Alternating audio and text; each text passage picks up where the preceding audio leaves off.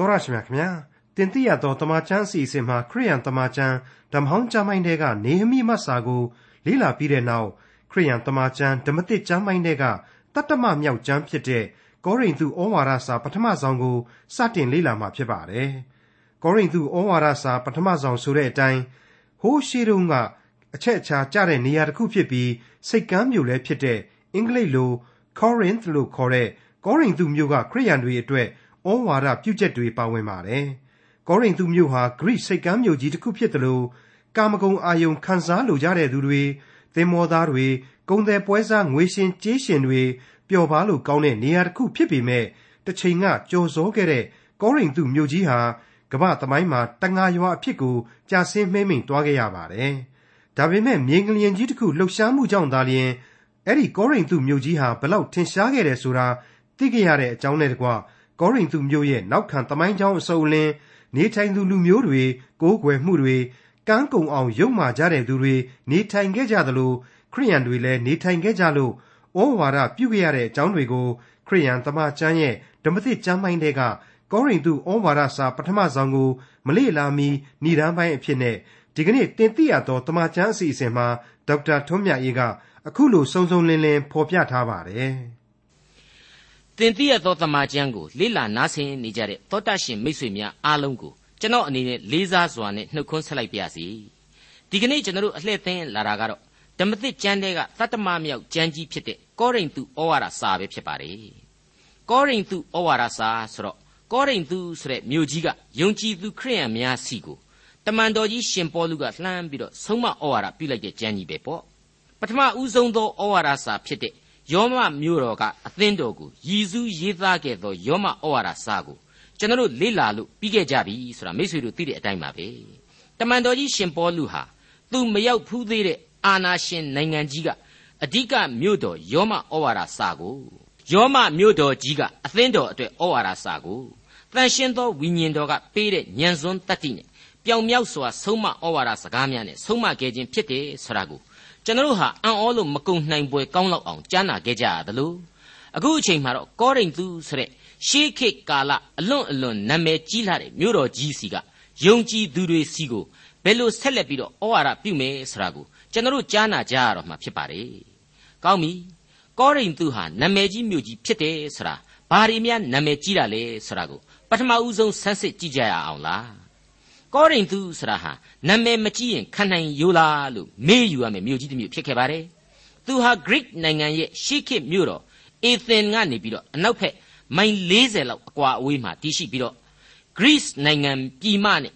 Peloponnesus လို့ခေါ်တဲ့ဒေသရဲ့ဖြတ်လန်းကုန်းတန်းတနေရာမှာတည်ရှိတဲ့မြို့တစ်မြို့ဖြစ်ပါတယ်။ဒါကြောင့်မလို့လေစီးပွားရေးအချက်အချာအလွန်ကြတယ်။စိတ်ကမ်းကြီး၃ခုရှိတဲ့အတွက်ကြောင့် အဲ့ဒီရှေးခေတ်ပင်လယ်ခရီးသွားတွေတထောက်နားရအရက်ဖြစ်ခဲ့တယ်။အရှိအနောက်ကပကုံသွဲမှုရဲ့အရေးပါအရာရောက်တဲ့မြို့ကြီးဖြစ်ခဲ့တယ်ဆိုရင်ဒီမြို့ကြီးရဲ့အကြမ်းပြင်းအခြေခံအချက်တွေကိုကဒီမြို့ကြီးရဲ့နာမည်ဟာကြီးတဲ့နဲ့မကြီးတဲ့မှုစရာကိုမိษွေတို့သေသေးချာချာစဉ်းစားနားလည်နိုင်လောက်မယ်လို့ကျွန်တော်ထင်ပါတယ်။အဲ့ဒီစိတ်ကမ်းကြီး၃ခုတည်းကရှေးခေတ်မှာအထူးအရေးရောက်တဲ့စိတ်ကမ်းကြီးနှစ်ခုကိုပြောပါဆိုရင်တော့ကောရိန္သုကိုဗဟိုပြုထားပြီးတော့အရှိဘက်ရှစ်မိုင်အကွာလောက်မှာတည်ရှိတဲ့ စင်ခရီယာဆိုတဲ့စိတ်ကမ်းရဲ့အနောက်ဘက်တမိုင်ခွဲလောက်မှာရှိတဲ့လီရှောမ်ဆိုတဲ့စိတ်ကမ်းဒေသကြီးတွေပဲဖြစ်ပါတယ်စိတ်ကမ်းဆိုတော့ဒီစိတ်ကမ်းတွေမှာဘာအမှုအခင်းတွေဖြစ်တတ်တယ်ဘယ်လိုကုံသွယ်ရေးတွေရှိတတ်တယ်ဘယ်လိုအပျော်အပါးတွေများတတ်တယ်ဘယ်လိုအရက်ဆိုင်ကြီးတွေရှိတတ်တယ်ဆိုတာကိုမိษွေတို့စဉ်းစားတွေးတောလိုက်မယ်ဆိုရင်လည်းအဖြေပေါ်လောက်ပါတယ်ကောရိန္သသို့မဟုတ်ကောရိန္သုကံယိုဒန်းဟာအဲ့ဒီလို Greek မြို့ပြကြီးတွေရဲ့ဖြတ်လန်းအဖြစ်ရဲ့ ပင်လေစိတ်ကန်းအဖြစ်ရဲ့နာမည်ကြီးနေခဲ့ရာကနေရှင်ပေါလုရဲ့အချိန်ကာလနှောင်းပိုင်းအချိန်မှာကြတော့အဲ့ဒီကောရင်ကုံယိုဒန်းကိုဖြတ်ပြီးတော့တူးမြောင်ကြီးတစ်ခုထပ်မံတူးဖော်ပြီးတဲ့နောက်မှာတော့ဒီမြို့ကြီးရဲ့ငကိုပင်လေစိတ်ကန်းမြို့ကြီးအဖြစ်အရေးပါအရာရောက်မှုဟာတဖြည်းဖြည်းနဲ့ကျဆင်းသွားခဲ့တယ်လို့သမိုင်းကဆိုပါတယ်ကျွန်တော်အားလုံးသိထားပြီးတဲ့အတိုင်းပဲ Greek ဆိုတာဟာတစ်ချိန်ကာလတုန်းကတော့ကမ္ဘာရဲ့ရွှေခေတ်ကြီးတစ်ခေတ်ကိုထူထောင်နိုင်ခဲ့တဲ့ထိပ်တန်းအာဏာရှင်နိုင်ငံကြီးပဲပေါ့ ဒါပေမဲ့ရှင်ပေါလုရဲ့ခေတ်ကာလအခြေအနေမှာတော့သူ့ရဲ့ဩဇာအာဏာဟာယောမစီကိုရောက်သွားပြီပြီးတော့ကောရိန္သုဆိုတာဟာလေရှင်ပေါလုရဲ့အချိန်ကာလမှာယောမအာဏာရိပ်အောက်မှာပဲရှိခဲ့တယ်ဆိုတာကိုကျွန်တော်မျက်ခြေပြတ်လို့မရပါဘူးယဉ်ကျေးမှုအရာတော့ Greek ယဉ်ကျေးမှုလွှမ်းမိုးတယ် Greek ရဲ့မျိုးတစ်မျိုးလည်းဖြစ်တယ်ဒါပေမဲ့သူ့ရဲ့အထက်မှာတော့ယောမအာနာဆိုတာဟာရှိနေလေရဲ့သူ့ရဲ့စီကားတိုက်မြိုက်မှုသမိုင်းဟာ အခုရှင်ပေါလုမတိုင်ခင်နှစ်ပေါင်း200လောက်တနည်းအားဖြင့် Greek တွေရဲ့အထွတ်အထိပ်မှာရှိခဲ့တဲ့အချိန်ကလေးကထင်ရှားခဲ့မှာကလည်းအသေးအချာပဲဖြစ်ပါတယ်အဲ့ဒီအလွန်ရှေးကြတဲ့ Greek ခေတ်ကာလအချိန်မှာတုန်းကတော့အေသင်မြို့ပြလိုပဲသူဟာတကိုးအလွန်ထွားခဲ့တဲ့မြို့ပြနိုင်ငံတစ်ခုဖြစ်ခဲ့လိမ့်မယ် Greek ရဲ့နတ်ဖျားကိုးကွယ်မှုတွေ Greek အဘိဓမ္မာဆရာကြီးတွေရဲ့တသနာအဘိဓမ္မာတွေဟာလေအများကြီးတွင်ကျယ်ခဲ့ရမှာအမှန်ပါပဲဒါပေမဲ့ အဲ့ဓာတွေတဲ့ပိုးပြီးထင်ရှားတာကတော့သင်္ဘောသားတွေကုံသေးပွဲစားတွေပင်လေပြောလူစွန့်စားတွေနဲ့အခြေကျနေတဲ့မြို့ကြီးပြီးပြီးကာမဂုဏ်စည်းစိမ်တွေလောင်းကစားမှုတွေအရက်ဝိုင်းတွေတေးဂီတဝိုင်းတွေနဲ့ပတ်သက်လို့ပို့ပြီးတော့တွင်ကျယ်တယ်ဆိုရင်တော့ပို့ပြီးတော့ဒါဟာမှန်ကန်လိမ့်မယ်လို့ကျွန်တော်တို့ကောင်းကောင်းကြီးနားလည်သဘောပေါက်လောက်ပါတယ်ကျွန်တော်စောစောတုန်းကရှင်းပြခဲ့တဲ့အတိုင်းအရှိအနောက်တို့ရဲ့ကုံတယ်တို့ရဲ့ဘ ਹੁ အချက်အချာကျတဲ့နေရာ ပင်လယ်စိတ်ကမ်းမြို့ဖြစ်တဲ့အတွက်ကြောင့်သင်္ဘောနဲ့ခရီးသွားတဲ့လူစွန်စားတွေသင်္ဘောသားတွေရဲ့စက်ကြတဲ့အရက်ဒေသဖြစ်တယ်မဟုတ်ဘူးလား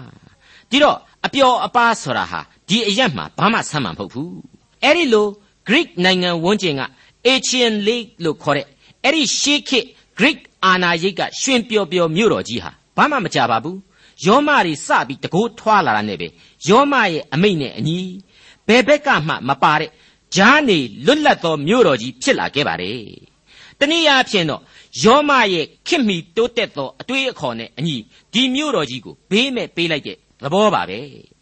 အတိတ်ကာလတုန်းကတက်တောင်မှအဲ့ဒီအချိန်ကာလရောက်တဲ့အခါကျတော့ဘေးမဲ့မြို့တော်ကြီးအဖြစ်လူအသွေးအသားသမားတွေကာမဂုဏ်အာယုံခံစားလိုတဲ့လူတွေသင်္မောသားလူစွန့်စားတွေကုံသေးပွဲစားငွေရှင်ကြေးရှင်တွေပို့ပြီးတော့ ပွေလို့တေလို့ကောင်းတဲ့ဒေတာကြီးတစ်ခုဖြစ်သွားခဲ့ပါတယ်ဒါပေမဲ့သူဟာအဲ့ဒီလိုကြီးပျော်ရရင်ပြီးရောလို့တော့လည်းဆိုလို့မရပါဘူးဒါတို့ကိုလာပြီးတော့လက်ဝကြီးအုပ်တာတို့က Greek လူမျိုးတွေဒါကြောင့်မလို့တို့တွေဟာယောမတွေကိုတော့တော်လှန်ပြည့်ရမယ်ဟိဆိုတဲ့အတွေးအခေါ်မျိုးဝင်လာပြီးတဲ့နောက်ဒေသဂန်တွေကထပြီးတော့ပုံကန်ကြပြန်လေရောအဲ့ဒါနဲ့ပဲ BC 146ခုနှစ်လောက်မှာယောမဗိုလ်ချုပ်ကြီးမမ်မီယာဆိုတဲ့ပုဂ္ဂိုလ်ကြီးက သူ့ရဲ့တပ်တွေနဲ့ဝင်ပြီးတော့တိုက်လိုက်တာလေအဲ့ဒီကောရိန္သုတစ်မျိုးလုံးအကုန်လုံးစုပ်ပြတ်သက်ကြံခဲ့တယ်ကြီးနဲ့ဖုတ်ဖုတ်ဆိုသလိုဖြစ်ကုန်တယ်လို့သမိုင်းကဆိုပါတယ်သူတို့ကတော်လှန်တဲ့အခါကျတော့အာနာပိုင်ယောမကမခံတဲ့သဘောပေါ့အဲ့ဒီအရက်က Greek ယဉ်ကျေးမှုနဲ့ကောရိန္သုယဉ်ကျေးမှုပစ္စည်းပစ္စည်းတွေအမှုပညာလက်ရာတွေအကုန်လုံးဟာလေယောမတွေကလူပြီးတော့ Rome အထိယူသွားတယ်လို့ဆိုပါတယ်ဒါပေမဲ့နောက်ထပ်နှစ်ပေါင်း100လောက်အကြာမှာတော့ ယောမဧကရစ်ဂျူလီယက်စီဇာဆိုတဲ့ပုဂ္ဂိုလ်ကြီးအာဏာရလာတဲ့အချိန်ကောရိန္သုကိုအသစ်ပြန်ပြီးတော့တိဆောက်ကြပါကွာဆိုပြီးတော့တစ်ချက်လွတ်အမိန့်ချလိုက်ပြီဆိုတာနဲ့ပဲကောရိန္သုဟာအတိတ်ကအတိုင်းပဲနေချင်းညချင်းမြို့ကြီးတစ်ခုပြန်ပြီးဖြစ်လာတယ်အတိတ်ကတဲ့တောင်မှပို့ပြီးတော့ရှင်ပျော်ပျော်မြို့တော်ကြီးအဖြစ်ပြီးသားလာတယ်လို့ဆိုပါတယ်အတိတ်ကအတိုင်းရှင်ပျော်ပျော်မြို့တော်ကြီးတစ်ခုဖြစ်လာပြန်တယ်ဆိုတော့ကောရိန္သုဟာအညီအဟောက်တွေဝိုင်းဝိုင်းလည်နေတဲ့မြို့ကြီးပေါ့ အဲ့ဒါဟာအခုရှင်ပေါလုခေတ်ကာလမှာနတ်ရိတ်နတ်ကွန်းနဲ့ကဇော်နတ်နဲ့ကာမဂုဏ်အာယုံခံစားမှုများနဲ့ဖြစ်ချင်တိုင်းဖြစ်လို့ကောင်းနေစေကောရိန္သုရဲ့သမိုင်းအကျဉ်းချုပ်ပဲဖြစ်ပါတယ်ဒါပေမဲ့ကျွန်တော်စောစောကပြောခဲ့သလိုရှင်ပေါလုခေတ်အကုန်လောက်မှာပဲကောရိန္သုဟာကောရင်ဆိုတဲ့တူးမြောင်ကြီးတိဆောက်အပြီးမှာခစ်ပြန်ပြီးမှိန်သွားလိုက်တာဟာတရွေ့ရွေ့နဲ့တငါရွာကြီးအဆင့်တစ်ခုအထိပြန်လဲကျဆင်းသက်ရောက်သွားရတယ်။ သမိုင်းမှာလဲသူ့ကိုလူတွေဟာအတော်ကြာကြာကြီးမေ့ပြီးထားရစ်ကြပြန်ပါလေ။ဒါပေမဲ့နှုတ်ကပတ်တော်အရာအားဖြင့်တော့ကောရိန္သုမြို့တော်ကြီးဟာအလွန်အရေးကြီးတဲ့မြို့ကြီးဆိုတာဟာမငင်းနိုင်အောင်ရှိခဲ့ပါတယ်။အဲ့ဒီလိုဓမ္မသမိုင်းစာရွက်တေပေါ်မှာလောက်ပဲအရေးကြီးနေရာကနေပြီးတော့ကောရိန္သုမြို့တော်ကြီးဟာအတိတ်ကာလမှာအမှန်တကယ်ဘလောက်အထိထွန်းကားခဲ့တယ်ဆိုတာကိုတော့1928ခုနှစ်မှာဖြစ်လာခဲ့တဲ့အေယာမငလျင်ကြီးတစ်ခုဟာ ဖွင့်ထုတ်ပြီးသက်သေပြလိုက်ပါတယ်ဟုတ်ပါတယ်အဲ့ဒီမြေငလျင်ကြီးကြောင့်မြေကြီးတွေဟာပြိုလဲကုန်တယ်ကွဲ့အက်ကုန်တယ်အဲ့ဒီအချိန်မှာတော့အတိတ်ကာလအေယာမမြို့ကြီးကောရိန်သူ့ရဲ့မဟာရှေးဟောင်းလက်ရာတွေဟာဘူးပေါ်တယ်လို့ပေါ်လာစေပါတယ်လူတွေအဲ့ဒီမှာအကုန်လုံးမျက်လုံးပြူးမျက်စံပြူးတုံ့လှုပ်ကုန်ကြရပါတယ်အဲ့ဒီကလေးကရှာဖွေဖော်ထုတ်လာခဲ့တဲ့ရှေးဟောင်းကောရိန်သူ့ရဲ့သမိုင်းဝင်အဆောက်အုံကြီးတွေဟာဆိုရင် ဒီကနေ့တည်းထိဂန္ဓဝင်မြောက်လာတဲ့သူ့ရဲ့အတိတ်သမိုင်းသစ္စာတရားတွေကိုပြန်လဲပြောကြားနေစေရှိပါကြောင်းကိုဘဘ ഹു တုတဖြစ်ဖွယ်ရာကောင်းအောင်ကျွန်တော်ကထပ်မံတင်ဆက်ပေးလိုက်ရပါတယ်မိတ်ဆွေအပေါင်းတို့ခမညာရှင်ပေါလုရဲ့ကောရိန္သုအသင်းတော်အစအဦးခေတ်ကောရိန္သုမြို့တော်ဟာခန့်မှန်းကြီးလူ၄သိန်းလောက်နေထိုင်ခဲ့တဲ့မြို့ကြီးဖြစ်ပါတယ်ကျွန်တော်ပြောခဲ့တဲ့အတိုင်းပင်လယ်နဲ့ထိစပ်တဲ့ကုန်းတန်းရှိဒေသတစ်ခုမှာတည်ရှိတယ်အရှိနဲ့အနောက်နှစ်ဖက်စလုံးမှာ ပင်လယ်စိတ်ကမ်းကြီးတွေရှိခဲ့တယ် Greek Jew Italy သို့မဟုတ်အဲ့ဒီအချိန်ကယောမ Florence Venice စတဲ့လူမျိုးတွေအပါအဝင်လူမျိုးပေါင်းစုံစရဲချရာအရက်ဖြစ်ခဲ့တယ်အလွှာပေါင်းစုံကလူပေါင်းစုံတို့လွတ်လပ်စွာကျင်လဲကျက်စားရာရွှင်ပျော်ပျော်မြို့တော်ကြီးဖြစ်ခဲ့တယ်အသွေးအသားရမက်တို့ဖြေပြောက်ရာအရက်ဒေသဖြစ်ခဲ့တယ်ဆက်ရှိရာစုခေတ်ဦးမှာအလွန်ကြော်ကြားခဲ့တဲ့စာရေးဆရာကြီး John Bunyan ရဲ့ Pilgrim's Progress ထဲက Vanity လို့ခေါ်တဲ့အနှစ်သာရမဲ့တဲ့မြို့အသွေးအသားအပျော်အပါးတို့သာလွှမ်းမိုးတဲ့မြို့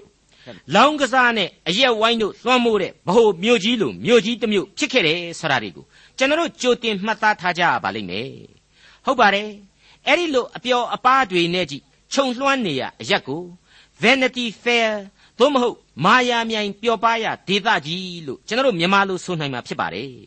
စာရေးဆရာကြီး John Bunyan ဟာသူ့ရဲ့ဝတ္ထုတွေက အဲ့ဒီလို vanity လောကကနေပြီးတော့မှ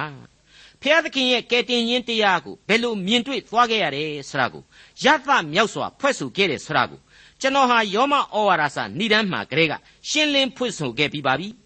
ထပ်မံပြီးတော့အသေးစိတ်ပြောနေဖို့လိုတော့မယ်မထင်ပါဘူးအဲ့ဒီလိုလောကအသွေးအသားပျော်ရွှင်မှုများဝိုင်းဝိုင်းလဲနေတဲ့မြို့တော်ကြီးကောရိန္သုဟာပေါလုရဲ့ခင်မှာဆိုရင်ကန့်ကုံအောင်သိုးသွမ်းညဉ့်ညမ်းရာအရာဖြစ်ခဲ့ပါတယ် ကယ်တင်ရှင်သခင်ခရစ်တော်ရဲ့ကယ်တင်ခြင်းတရားဟာသူတို့အဖို့အရှင်းအလေးအနက်ထားเสียမဟုတ်ခဲ့သလိုအခြားဘယ်လိုမှအဆင့်မြင့်တဲ့အဘိဓမ္မာတွေလည်းနေရာမရှိခဲ့ပါဘူး Greek ရဲ့နတ်တွေတဲကလူတွေတွေးရင်အဆင့်မြင့်မြင့်ရှိတယ်ဆိုတဲ့နတ်တွေတောင်းမှနလန်မထုခဲ့ဘူးလို့တောင်ကျွန်တော်ကပြောချင်ပါတယ်လူရဲ့ကာမဂုဏ်အာယုံခံစားမှုနဲ့အသွေးအသားတောင့်တမှုတွေကအဲ့ဒီလောက်အထိကြီးစိုးနေခဲ့တယ်အဲ့ဒီအချိန်မှာအကျော်ကြားဆုံးကတော့နတ်တွေတဲကမှ လူသေးကြီးကြိုက်နတ်ဖျားတွေသာခေါင်းထောင်ခဲ့ပါတယ်အဲ့ဒါကြောင့်လေ Venus လို့ခေါ်တဲ့ Aphrodite နတ်ဖျားမဟာအတွင်ကျယ်ဆုံးဖြစ်ခဲ့ပါတယ် Venus နတ်ဖျားမရဲ့အေယာမဗိမှန်တော်ကြီးထဲမှာဆိုရင်နတ်ဖျားမရဲ့ကိုစားပြုနတ်မိမယ်ပရောဖက်မတွေထောင်ချီပြီးတော့ကျင်လဲကျက်စားနေခဲ့ကြပါတယ်အဲ့ဒီနတ်မိမယ်တွေဆိုတာဟာအမှန်တော့မကောင်းတဲ့ပြည်တစားတွေတဲ့ဘာမှပို့ပြီးတော့ထူးတဲ့အဆင့်မရှိခဲ့ပဲနဲ့ကာမဂုဏ်အာယုံကိုပေးစွန်းတဲ့နတ်သမီးတွေသာဖြစ်ခဲ့ပါတယ် ဒီအသွေးအသားရဲ့အာယုံခံစားချက်ဟာလေသူတို့ခေရဲ့ကိုးကွယ်ရာအဓိကအရာဖြစ်ခဲ့လေတော့ကောရိန္သုဆရာဟာကေတင်ချင်းတရားအတွက်နေရာကောင်းမဟုတ်သလိုရှေးခေတ် Greek အဘိဓမ္မာကြီးတွေအတွက်တောင်မှနေရာကောင်းကောင်းမရခဲ့ဘူးလို့ဆိုနိုင်ပါလိမ့်မယ်အဲ့ဒီလောက်အထိဖြစ်ချင်တိုင်းဖြစ်နေတဲ့ကောရိန္သုပြက်ချင်တိုင်းပြက်နေတဲ့ကောရိန္သုကိုအယိုင်းမြေလို့ကျွန်တော်တို့ကပြောမယ်ဆိုရင်တောင်မှဘယ်သူကညင်းနိုင်မှာတော့ အဲ့ဒီလိုနောက်ခံသမိုင်းကြားမှာဘုရားသခင်ရဲ့အမှုတော်ဆောင်ကြီးရှင်ပေါလုဟာရောက်ရှိသွားတဲ့အချိန်ဘလောက်အထိအမှုတော်ကိုပြင်းပြင်းထန်ထန်ဆောင်ရွက်ရခဲ့မယ်ဆိုတာကိုကျွန်တော်တို့အထူးစဉ်းစားနေဖို့တောင်လိုမယ်မထင်ပါဘူးခလေးအုံနှောက်နဲ့တွေးရင်တောင်မှရှင်ပေါလုဘလောက်အထိပင်မဆင်းရဲခံခဲ့ရလိမ့်မယ်ဆိုတာအဖြေပေါ်လောက်ပါတယ်အဲ့ဒီလိုအညီအဟောက်တို့မျိုးစုံရာအရက်ဒေသမှာပေါလုရဲ့စိတ်နေစိတ်ထားဘယ်လိုရှိခဲ့တယ်ဆိုတာကိုတော့ကောရိန္သုဩဝါဒစာပထမစာဆောင်အခန်းကြီး1အငယ်1ဟာ ထင်ရှားအောင်တက်သေးထူနိုင်လိမ့်မယ်ထင်ပါတယ်ယေရှုခရစ်ကြီးဟူသောလက်ဝါးကတိုင်မှအသေးခံတော်မူသောသခင်မှတပါအဘယ်အရာကိုမျှသင်တို့တွင်ငါမသိမမှတ်ဟုငါစိတ်ပြဋ္ဌာန်းခြင်းရှိ၏ဆိုပြီးတော့သူရှင်းရှင်းကြီးဖော်ပြထားခဲ့ပါတယ်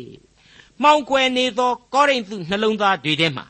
ကဲတင်ခြင်းအလင်းတရားကိုရောက်ရှိစေခြင်းနဲ့သူ့ရဲ့ပြင်းထန်သောစေတနာအမှန်တကယ်အသက်ရှင်တော်မူသောအနန္တတကုရှင်ဘုရားသခင်ကို လူသားတွေနားလေထိတွေ့စေခြင်းတဲ့ယုံကြည်ကိုးကွယ်စေခြင်းတဲ့စေတနာဟာဒီအပိုင်းမှာသူ့ရဲ့ဝေါ်ဟာရအဖြစ်ထင်ထင်ရှားရှားသက်သေထင်ဟပ်ပေါ်လွင်နေစေပါတယ်မိษွေအပေါင်းတို့ခမညာယောမကိုရောက်ရင်ယောမလိုကျင့်ရမယ်ဆိုတဲ့စကားဟာဒီကနေ့အလွန်တွင်ကျယ်ပြီးကြံရစ်ခဲ့သလိုရှေးကစကားတွေထဲမှာတော့ကောရိန္သုအမှုကိုပြုကြရအောင်ဆိုတဲ့စကားလုံးဟာအလွန်တွင်ကျယ်ခဲ့ပါတယ်အဲ့ဒါကတော့တခြားမဟုတ်ပါဘူး Corinthianize လောက်ရအောင်ဆိုတဲ့အင်္ဂလိပ်စကားဖြစ်ပါတယ်တနည်းအားဖြင့်တော့ဒါဟာအလွန်ညဉ့်ညမ်းတဲ့စကားကန်းကုံအောင်ငါတို့ညဉ့်ညစ်ပတ်ပတ်တီလောက်ကြစို့ဆိုတဲ့အင်မတန်ယုံရင်းတဲ့အတိတ်ပဲကိုဆောင်းတဲ့စကားစုပဲဖြစ်ပါတယ်တမန်တော်ကြီးရှင်ပေါလုဟာအဲ့ဒီလောက်လောကီဆန်တဲ့မြို့ကြီးကိုသုံးကြိမ်တိုင်အောင်ရောက်ခဲ့ပူပါတယ်အသင်းတော်ကိုသူဥဆောင်တိဆောက်ပေးခဲ့ပါတယ်တတိယမြောက်ခရီးစဉ်အပြီးမှာဒီစာကိုရေးသားခဲ့တယ်လို့တွက်ဆပြီးတော့ သက်ကရစ်အားဖြင့်ကတော့ AD 58ခုနှစ်သို့မဟုတ် AD 59ခုနှစ်ခန့်လို့ခန့်မှန်းရရှိပါတယ်ကောရိန္သုမြို့ခရီးစဉ်တွေထဲမှာ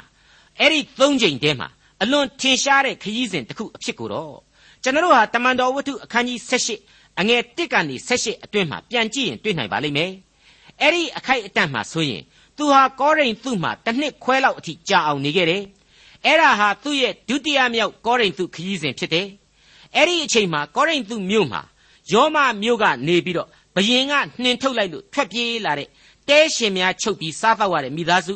တနည်းအားဖြင့်တော့အခုခေတ်အများနားလေလွယ်အောင်ပြောရမယ်ဆိုရင်တော့သရေလုပ်ငန်းစတိုးဆိုင်ကြီးဖွင့်ပြီးတော့စီးပွားရှာနေတဲ့အကီလာနဲ့ပရစ်စလာဆိုတဲ့ပုံကိုယ်တွေနဲ့အတူသူဟာတဲခိုနေထိုင်ပြီးတော့တဲရှင်ကူချုပ်ပြီးတော့အသက်မွေးဝင်းကြောင်းခဲ့တယ်အသက်မွေးဝင်းကြောင်းခဲ့တယ်ဆိုလို့နော်သူစားဖို့ကြီးပဲမဟုတ်ဘူး ကိုယ့်ရဲ့သမာအာဇီဝတရားမျှတသောဝင်ငွေကလေးကိုရှာချစ်ချစ်ချစ်ချုပ်စုပြီးတော့အဲ့ဒီငွေတွေနဲ့အတူပရစ်စလာအကီလာတို့အကူအညီငွေများနဲ့ပါသူဟာအမှုတော်ကိုဆောင်ရွက်ခဲ့ရခြင်းဖြစ်တယ်ဆိုတာဟာအဲ့ဒီအချိန်ကာလမှာတမန်တော်ကြီးရှင်ပေါလုရဲ့ပြောင်မြောက်သောအမှုတော်ဆောင်တက်တန်းအချိန်ကာလအဖြစ်ကျွန်တော်အံ့ဩဖွယ်တွေ့ရပါတယ်အကီလာပရစ်စလာတို့ဟာယောမမှာဂျူးတွေမနေရဘူးဆိုပြီးတော့ကလော်ဒီယပ်စီဇာဆိုတဲ့ဘုရင်ကြီးကနှင်ထုတ်လိုက်လို့ ကောရိန္သုကိုရောက်ရှိလာခဲ့ရခြင်းဖြစ်ပါတယ်သူတို့ဟာရှင်ပေါလုကြောင့်ခရစ်တော်ကိုလက်ခံပြီးတဲ့နောက်ပိုင်းမှာကြတော့စီးရီးယားနယ်ဘက်ကိုပေါလုတို့နဲ့လိုက်ခဲ့ပြီးမှယောမကိုတဖန်ပြန်သွားကြလို့ယောမဩဝါဒစာရီမှာသူတို့ရဲ့နာမည်တွေကိုယောမမျိုးသူမျိုးသားများအဖြစ်တခါပြန်ပြီးတွေ့ခဲ့ရတယ်ဆိုတာကိုလေကျွန်တော်အနေနဲ့မိษွေတို့ကိုအမှတ်ရရှိစေချင်ပါတယ်မိษွေအပေါင်းတို့ခမညာရှင်ပေါလုရဲ့ကောရိန္သုပထမခရီးစဉ်မှာဆိုရင်ရှင်ပေါလုဟာထုံးစံအတိုင်း ဂျူးတို့ရဲ့ဘာသာရေးဖျားเจ้าကိုအခြေခံပြီးတော့မှခရစ်တော်ရဲ့အကြောင်းကိုရဲရဲတောက်ဟောပြောခဲ့ရခြင်းဖြစ်ပါတယ်အဲ့ဒီအချိန်ကာလမှာဆိုရင်ဒီအသစ်သောကယ်တင်ခြင်းတရားအပေါ်မှာမူတည်ပြီးတော့လူသားတွေဟာလက်သင့်ချက်ချင်းမခံနိုင်မဲ့အဓိကယုံကြည်တွေဖြစ်ခဲ့တယ်ဘာသာရေးအတိုက်အခံတွေဖြစ်ခဲ့တယ်ဆန့်ကျင်ဆန္ဒပြမှုတွေတော်လှန်မှုတွေဖြစ်ခဲ့တယ်ဆိုတာကိုလေကျွန်တော်တို့ခံမှန်းနားလည်ရရှိပါတယ်အဲ့ဒီလိုပြောရတာကတော့ခိုင်လုံတဲ့အခြေအမြစ်အဖြစ် ပေါလုရဲ့သာသနာပြုပထမခရီးစဉ်မှာရောက်လေရအရက်အတိုင်းဒီအတိုင်းကြီးပဲဖြစ်ခဲ့တယ်ဆိုတာကိုကျွန်တော်တို့တွေ့ရလို့ပြောနိုင်တာပဲဖြစ်ပါတယ်ဘယ်နည်းနဲ့မှမလွဲနိုင်တဲ့တွက်ချက်ပေါ့ဒုတိယခရီးစဉ်မှာတော့ယုံကြည်သူအစုအဝေးတစ်ခုဟာအဲ့ဒီကောရိန္သုမြို့တော်ကြီးစီမှာအခိုင်အခန့်ရှိလာပြီကောရိန္သုမြို့တော်မှာဒီလိုယုံကြည်သူအစုအဝေးရှိလာတာဟာပေါလုရဲ့အရေးအချင်းတက်သက်ကြောင့်ကြီးမဟုတ်ဘူးဖျားသခင်ရဲ့တန်ရှင်းသောဝိညာဉ်တော်ဥဆောင်ပါဝင်မှု လမ်းပြပို့ဆောင်မှုနဲ့ဖျားသခင်ကိုတော်တိုင်ဟာသူ့ရဲ့အမှုတော်အတွက်အသင်းတော်တွေကိုစတင်တိဆောက်စေပြီဆိုတဲ့သဘောပါပဲဒါကြောင့်မို့လို့တမန်တော်ကြီးရှင်ပေါလုဟာမိမိကိုယ်တိုင်ပါဝင်တိဆောက်ပေးနိုင်ခဲ့သောဒီအသင်းတော်ကြီးကိုတတိယခရီးစဉ်အဆုံးပိုင်းမှာအေဖဲဆိုတဲ့မြို့ကနေပြီးတော့အခုလိုဆုံးမဩဝါဒစာနဲ့တာဝန်ရှိခေါင်းဆောင်တဦးဖြစ်ဒီအသင်းတော်စီကိုရေးသားပေးဖို့ဆုံးမလိုက်ခြင်းပဲလို့ကျွန်တော်တို့ဆိုနိုင်ခြင်းဖြစ်ပါတယ် အဲ့ဒီအေဖဲမြို့အသင်းတော်ဆိုတာကတော့ပေါလုရဲ့သာသနာခရီးစဉ်မှာအအောင်မြင်ဆုံးရလတ်ဖြစ်တဲ့မြို့နဲ့ရလတ်ဖြစ်တဲ့အသင်းတော်လို့ကျွန်တော်ကသတ်မှတ်ချင်ပါတယ်။ဘာပဲပြောပြောအေဖက်မြို့မှာနှစ်နှစ်တာကာလပေါလုရှိနေတဲ့အချိန်မှာကောရိန္သုအသင်းတော်ဟာခလေးစိုးကြီးများလို့အဆင့်နဲ့သာယုံကြည်တဲ့အသင်းတော်ဖြစ်တယ်။ဒါကြောင့်မလို့သူတို့ရဲ့ခေါင်းဆောင်ကြီးတမန်တော်ကြီးရှင်ပေါလုကိုအေဖက်မှာကျတော့ဆရာကြီးကနှစ်နှစ်တောင်နေတယ်။ကျွန်တော်စီကျတော့မလာဘူးဆိုပြီးတော့ သူတို့စီကိုတလှည့်လာစေခြင်းနဲ့ဆိုတဲ့အချက်ကိုကျွန်တော်တို့အကဲဖြတ်လို့ရပါတယ်အထူးသဖြင့်ပေါလုဟာကောရိန္သုအသင်းတော်စီကိုနှုတ်ကပတ်တော်မှာမထက်သွင်းနိုင်ခဲ့တဲ့ပထမဦးဆုံးဩဝါဒစာတစ်စောင်ကိုပေးပို့ခဲ့သေးတယ်အဲ့ဒီစာဟာကောရိန္သုအသင်းတော်ကိုအတော်ကြီးပြင်းပြင်းထန်ထန်ဆိုဆုံးမထားတဲ့စာဖြစ်လိမ့်မယ်ဒါကြောင့်မလို့သူတို့ဟာပေါလုစီကိုပြန်စာတစ်စောင်ကိုတခြားလူတစ်ယောက်နဲ့အေဖက်စီအထိလွတ်ပြီးတော့ပို့ခိုင်းလိုက်တဲ့အချိန်မှာ ပေါလုဟာသူတို့စီကိုစာပြန်ရတာဖြစ်လိမ့်မယ်လို့လည်းကျွန်တော်တို့ခံမှန်းပါတယ်အဲ့ဒီတော့အခုကောရိန္သုဩဝါဒစာပထမစာဆောင်ရဲ့အရင်တခြားဩဝါဒစာတစ်စောင်အရင်ရှိခဲ့ပေမယ့်အကြောင်းကြောင့်ကြောင့်ပျောက်ပြက်သွားခဲ့ရပြီဖျားသခင်ကိုတော်တိုင်ကပယ်တဲ့ဩဝါဒစာဆောင်လို့လည်းကျွန်တော်တို့ပြောလို့ရတယ်အခုနောက်ထပ်တစ်စောင်ပြန်စာကြတော့မှပဩဝါဒစာပထမစာဆောင်ဆိုပြီးတော့ဖြစ်လာရတယ်လို့သမိုင်းသူတေတီတွေကသဘောတူညီထားကြပါတယ်။ဘာပဲဖြစ်ဖြစ် နှုတ်ကပတ်တော်ဟာဘယ်လို့မှဂွင်းဆက်ပြတ်တယ်ဆိုတာဟာမရှိပါဘူး။ပဂရိပီပြင်းစွာအစဉ်တစိုက်ကြမ်းတစ်ခုနဲ့တစ်ခုဆက်သွယ်နေတယ်ဆိုတာကိုအခုကျွန်တော်တို့ဆက်လက်တွေ့ရှိလာကြရမှာဖြစ်ပါတယ်။အဲ့ဒီလိုလူလွတ်ပြီးတော့ပေါလုရဲ့ပျောက်ပြက်နေသောဩဝါဒစာနဲ့ပတ်သက်လို့တုံ့ပြန်တဲ့စာထဲမှာကောရိန္သုအသင်းတော်ဟာမိကွန်းတွေအမြောက်အများမေးထားခဲ့တယ်ဆိုတာကိုအခုတင်ပြမဲ့ကောရိန္သုဩဝါဒစာတွေကတမန်တော်ကြီးရှင်ပေါလုရဲ့ဆုံးမသွန်သင်ချက်တွေ အဖြေတွေဟာတက်သေးထူသွားပါလိမ့်မယ်။အဲ့ဒီမိကွန်းတွေထဲမှာဆိုရင်နိုင်ငံရေးနဲ့ပတ်သက်တဲ့မိကွန်းတွေဘာသာရေးအတွေ့အခေါ်နဲ့ပတ်သက်တဲ့မိကွန်းတွေကျင့်ထုံးတွေနဲ့ပတ်သက်တဲ့မိကွန်းတွေမိသားစုလူမှုရေးနဲ့စရိတ်တရေးရာပြဿနာတွေနတ်ကိုးကွယ်မှုနဲ့ပတ်သက်တာတွေစသဖြင့်သူတို့မိကွန်းတွေအသီးသီးထုတ်ထားကြပါတယ်။ပေါလုဟာဒါတွေအကုန်လုံးအပြင်ကောရိန္သုမြို့ကသူရရှိထားတဲ့တခြားသတင်းအချက်အလက်တွေပေါ်မှာမူတည်ပြီးတော့အဖြေများပြုတ်သွားလိမ့်မယ် ဆုံးမဩဝါဒများပြုတ်သွားလိမ့်မယ်လို့လေကျွန်တော်ကြိုတင်အစီရင်ခံထားနှင်ညင်ပါတယ်ဒီဩဝါဒစာရဲ့အဓိကတော့ချက်ကတော့ကယ်တင်ရှင်သခင်ခရစ်တော်ရဲ့ကြီးမြတ်တော်မူခြင်းပဲဖြစ်ပါတယ်ကယ်တင်ရှင်ဟာကောရိန္သုမြို့အပါအဝင်လူပေါင်းလောကရဲ့အရှင်သခင်ဖြစ်ခြင်းဆိုတာကိုရှင်ပေါလုပြီးပြီးပြင်းပြင်းဖော်ပြသွားပါလိမ့်မယ်တကယ်တော့လေနှုတ်ကပတ်တော်ဆိုတာဟာအသက်လမ်းဖြစ်တယ်အစအဦးဆိုတဲ့အနန္တကာလကလေးကတည်ရှိလာခဲ့တယ်လူဇာတိကိုခံယူတဲ့အခါမှာ ကယ်တင်ရှင်သခင်ခရစ်တော်ဖြစ်တယ်ဆိုတာကိုကျွန်တော်သိခဲ့ရပြီပဲဒီတော့အခုကောရိန္သုဩဝါဒစာသာမဟုတ်ပါဘူးယောမဩဝါဒစာဖြစ်စေတခြားသောဩဝါဒစာဖြစ်စေတခြားဘယ်အဘယ်မည်သောကြံကြီးများပင်ဖြစ်စေခရစ်တော်ရဲ့ကယ်တင်ခြင်းကျေးဇူးတရားကိုပဲမန်တိုင်ပြုဗဟိုပြုဖော်ပြသွားရမှာကတော့ဧကန်အမှန်ပဲပေါ့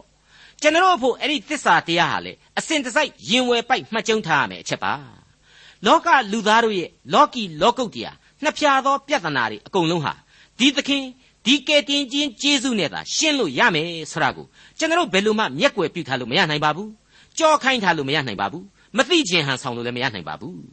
အခုဆိုရင်ကောရိန္သုဩဝါဒစာအားဖြင့်စရိတ်တရေးရာလူမှုရေးရာအသင်းတော်အဖွဲ့အစည်းဆိုင်ရာအရေးအရာပြဿနာပေါင်းစုံတို့အတွက်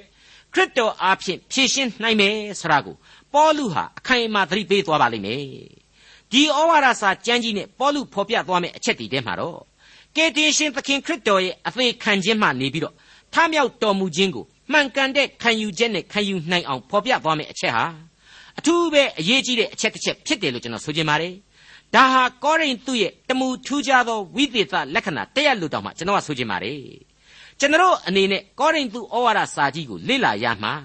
လွယ်ကူခြင်းရှိနိုင်အောင်လို့အပိုင်း၃ပိုင်းခွဲခြားထားလိုက်ပါတယ် အဲ့ဓာတွေကတော့ခုလိုဖြစ်ပါတယ်ပထမအပိုင်းကိုအခန်းကြီး1အငယ်1မှ9အတွင်အပိုင်းအဖြစ်ပိုင်းခြားသင်ပါတယ်နှုတ်ခွန်းဆက်ခြင်းများနဲ့ကျေးဇူးတော်ချီးမွမ်းခြင်းအပိုင်းပေါ့ဒုတိယအပိုင်းကတော့အခန်းကြီး1အငယ်30မှစပြီးတော့အခန်းကြီး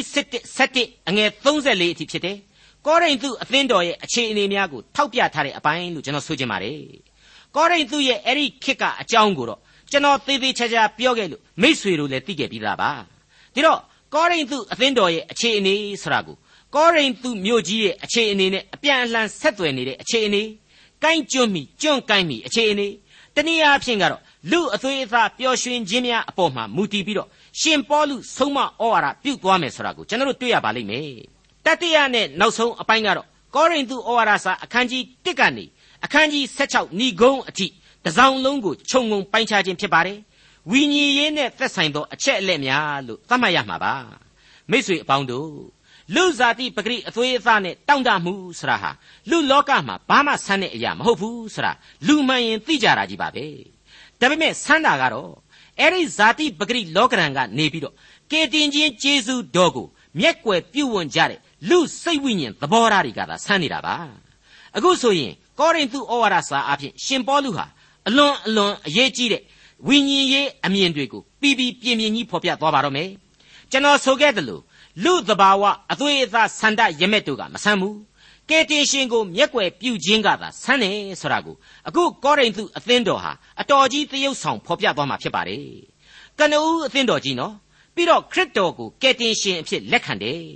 ပြီးတော့မှဇာတိပဂရိစိတ်ဓာတ်ရဲ့ရမက်ပူလောင်မှုတွေကိုသူတို့မစွန့်နိုင်ခဲ့ကြရှာဘူးအဲ့ဒီတော့ဒီအသင်းတော်ဟာပတ်ဝန်းကျင်အမှောင်လောကရဲ့ ကြောက်မဲ့ဖွယ်အရေးတွေစိုးမိုးနေခဲ့တယ်ပြဿနာတွေဟာလည်းဝိုင်းဝိုင်းလည်နေခဲ့ပါတယ်အဲ့ဒီအခါမှာတော့ကိုယုံကြည်ပါတယ်ဆိုတဲ့ကယ်တင်ရှင်ရဲ့ကားတိုင်းလမ်းဟာဝိုးရဝမပီမပြင်ဖြစ်သွားရတယ်ကိုလျှောက်လှမ်းခြင်းလှပါတယ်ဆိုတဲ့တရားလမ်းနဲ့သွေဖီခြင်းတွေဖြစ်လာရတယ်အဲ့ဒီမှာရင်ခရစ်တော်ရဲ့အမည်နာမကိုအပေါ်မှာချိတ်ဆွဲထားပြီးတော့အောက်မှာကတော့ပြဿနာတွေနဲ့ဂျာအေးသူ့အမေရိုက်တယ်လို့တလဲလဲဖြစ်နေရပါတယ်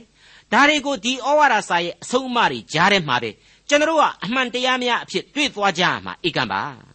အဲ့ဒီလိုကောရိန္သုအသင်းတော်ရဲ့ဇာတိပဂရိဖြစ်ရမှန်တွေကိုအခုလိုကျွန်တော်ကဝေဖန်တဲ့အခါကျတော့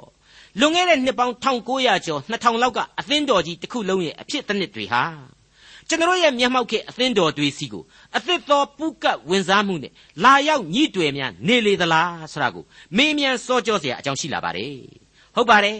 ကျွန်တော်တို့တွေလည်းလူသားသူတို့တွေလည်းလူသားပါပဲ ဇာတိပဂရိအရာအပြစ်သားတွေကြီးပဲမဟုတ်ဘူးလားအဲ့ဒီရှင်ပျော်ပျော်ကောရိန္သုအရက်စီကိုအရှိဘက်ပင်လယ်ပြင်ကြီးကအညီအဟောက်တွေအနောက်ဘက်ပင်လယ်ပြင်ကြီးစီကအညီအဟောက်တွေဟာအဲ့ဒီပေါ်တက်လာပြီးတော့ဒေသခံဗီနပ်စ်နတ်ကွန်းဒေသခံအရက်ဆိုင်တွေဒေသခံလောင်းကစားဝိုင်းတွေစီမှာပူပေါင်းရင်းနဲ့အင်မတန်ပူပြင်းတဲ့ကိလေသာမိတောက်မိလျံတွေဖြစ်စေသလိုကျွန်တော်ဒီကဘာဟာဒီကနေ့ဖြစ်မနေဘူးလားဆိုတာကိုကျွန်တော်ပြန်ပြီးတန်ဝေကရယူဖို့လိုပါတယ် အကယ်၍သာကယ်တင်ရှင်သခင်ခရစ်တော်ကိုပါဇက်ကယုံပါတယ်လို့အာမခံပေမယ့်သူ့ရဲ့ကယ်တင်ရှင်တရားတော်ကိုကို့အသေးအသက်တမျှမျက်နှိုးစောင့်ရှောက်ခြင်းမရှိဘဲနေမယ်အရှိပင်လေအနောက်ပင်လေကအညီအဟောက်တွေကိုပို့ဇာတိပဂရိစိတ်နဲ့ပေါင်းစပ်ပြီးတော့ကိုယုံကြည်တဲ့ကယ်တင်ရှင်ကိုရှောင်ရှားနေမယ်ဆိုရင်တော့ကိုဟာဖြောင့်မတ်ခြင်းအခွင့်နဲ့ဝေးကွာရလိမ့်မယ်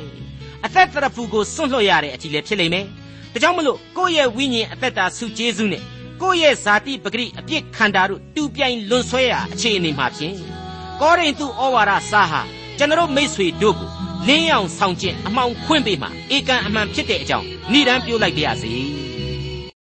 ဒေါက်တာထွန်းမြတ်ရေးစီစဉ်တင်ဆက်တဲ့တင်ပြတော်တမချန်းအစီအစဉ်ဖြစ်ပါတယ်နောက်တစ်ချိန်အစီအစဉ်မှာ